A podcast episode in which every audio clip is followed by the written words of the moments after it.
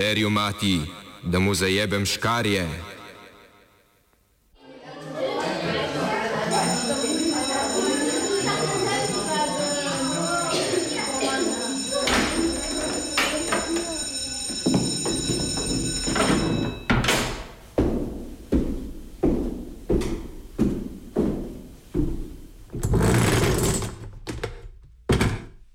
Gostujočimi komentatorji in komentatorkami vsak ponedeljek sprevračamo katedro Radia Student. Premislimo izobraževanje pod katedrom. Dovolj nam je, pravijo študentje Univerze na Primorskem.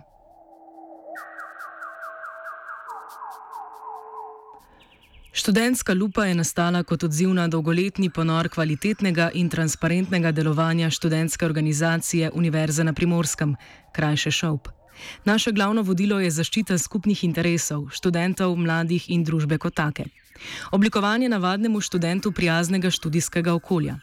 Študentska lupa je torej glas po spremembah na področju študentskega organiziranja in visokega šolstva.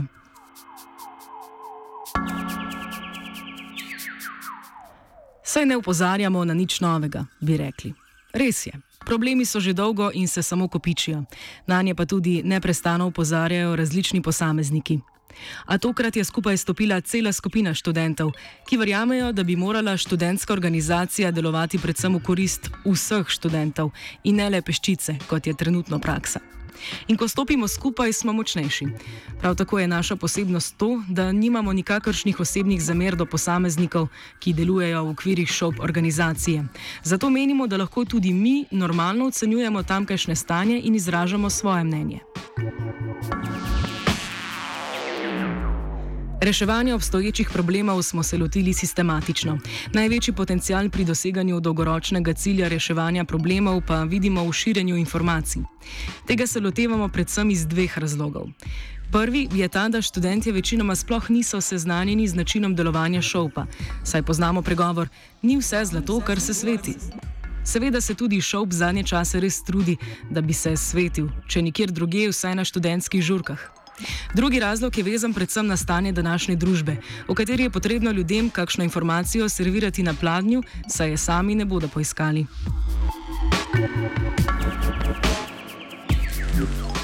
V prvi polovici leta smo opozarjali na številne nepravilnosti, ki so bile v tistem trenutku aktualne.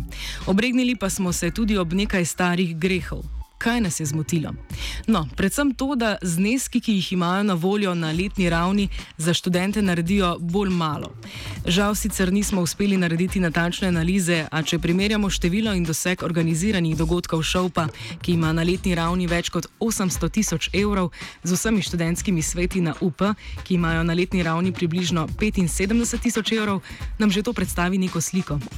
Študentski sveti so po večini zelo aktivni in neprestano delajo na organizaciji dogodkov za študente, medtem ko ŠOP organizira bolj malo študentov koristnih dogodkov, pa še teh ne promovira preveč. Kam gre torej vse denar, namenjen študentom?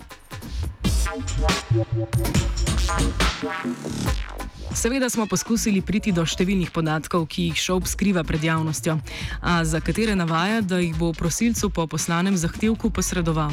Poskusili smo večkrat, a vsakeč naleteli na drugo težavo in podatkov nikakor ni bilo.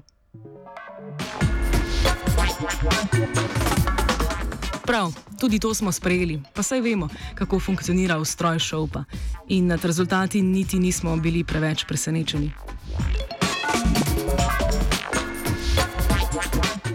Ker smo vedeli, da morajo proti koncu letošnjega leta izpeljati volitve v študentski zbor, smo se odločili, da študente spodbudimo k aktivni udeležbi na leteh in tako poskusimo izboljšati zadeve. Študenti, ki so se pripravljeni aktivno udejstvovati v študentskem organiziranju, stojijo s svojimi besedami in se ne uklanjajo grožnjam, podkupninam in ostalim pritiskom, bi se zadeve znotraj šopa gotovo spremenile ali vsaj nekoliko zamajale. Zato smo neprestano opozarjali na volitve v študentski zbor. Če že šop tega ni naredil, čeprav gre za njihove voljivce, smo želeli do študentov to informacijo spraviti vsaj mi. A seveda, kot pri vseh ostalih stvarih, tudi volitve na šopu niso neoporečne. To smo vedeli vnaprej. Vedeli smo, da razpis ne bo vidno objavljen. Vedeli smo, da bo časa za kandidature malo. Vedeli smo, da ne želijo usmerjati pozornosti na volitve.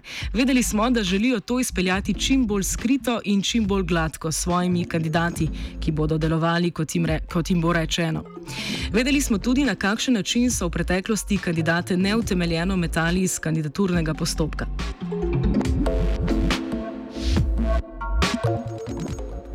Zato smo kandidatom, ki so se nam oglasili, natančno povedali, kako naj se postopka lotijo, da se izognejo morebitnim težavam.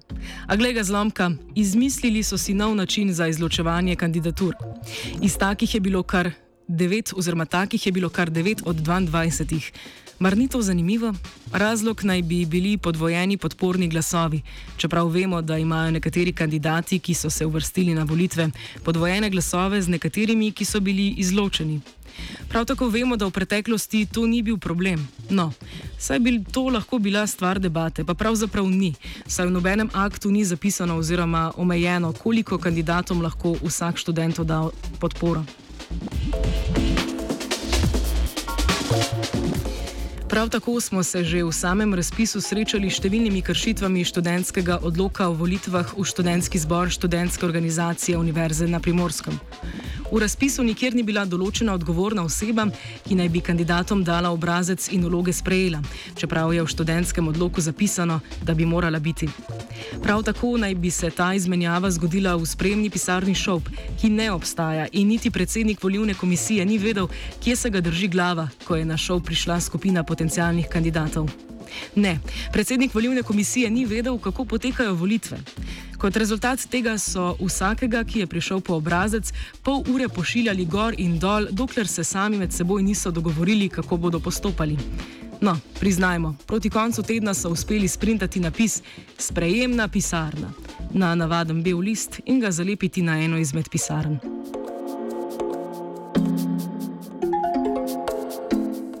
Zaradi govoric o nepravilnostih med postopkom odpiranja kandidatur so številni študenti želeli biti prisotni na samem dogodku, saj je leta za, bil odprt za širšo javnost in kljub številnim poslanim sporočilom volilna komisija ni uspela posredovati tega podatka niti enemu.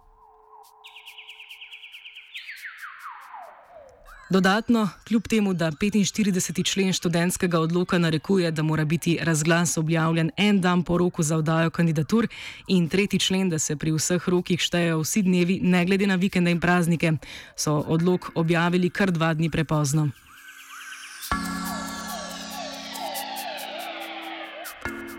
Nepravilnosti in spornih postopanj je ogromno, veliko preveč za tak prispevek. A naj se za začetek začne o tem govoriti.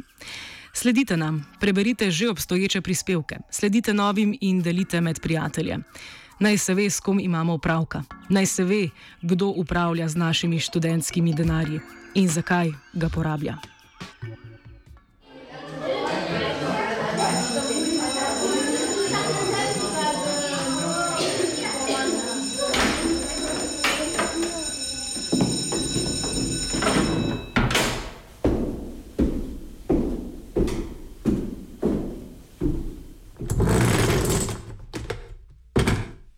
Gostujočimi komentatorji in komentatorkami vsak ponedeljek sprevračamo katedro Radia Student. Premislimo izobraževanje pod katedrom.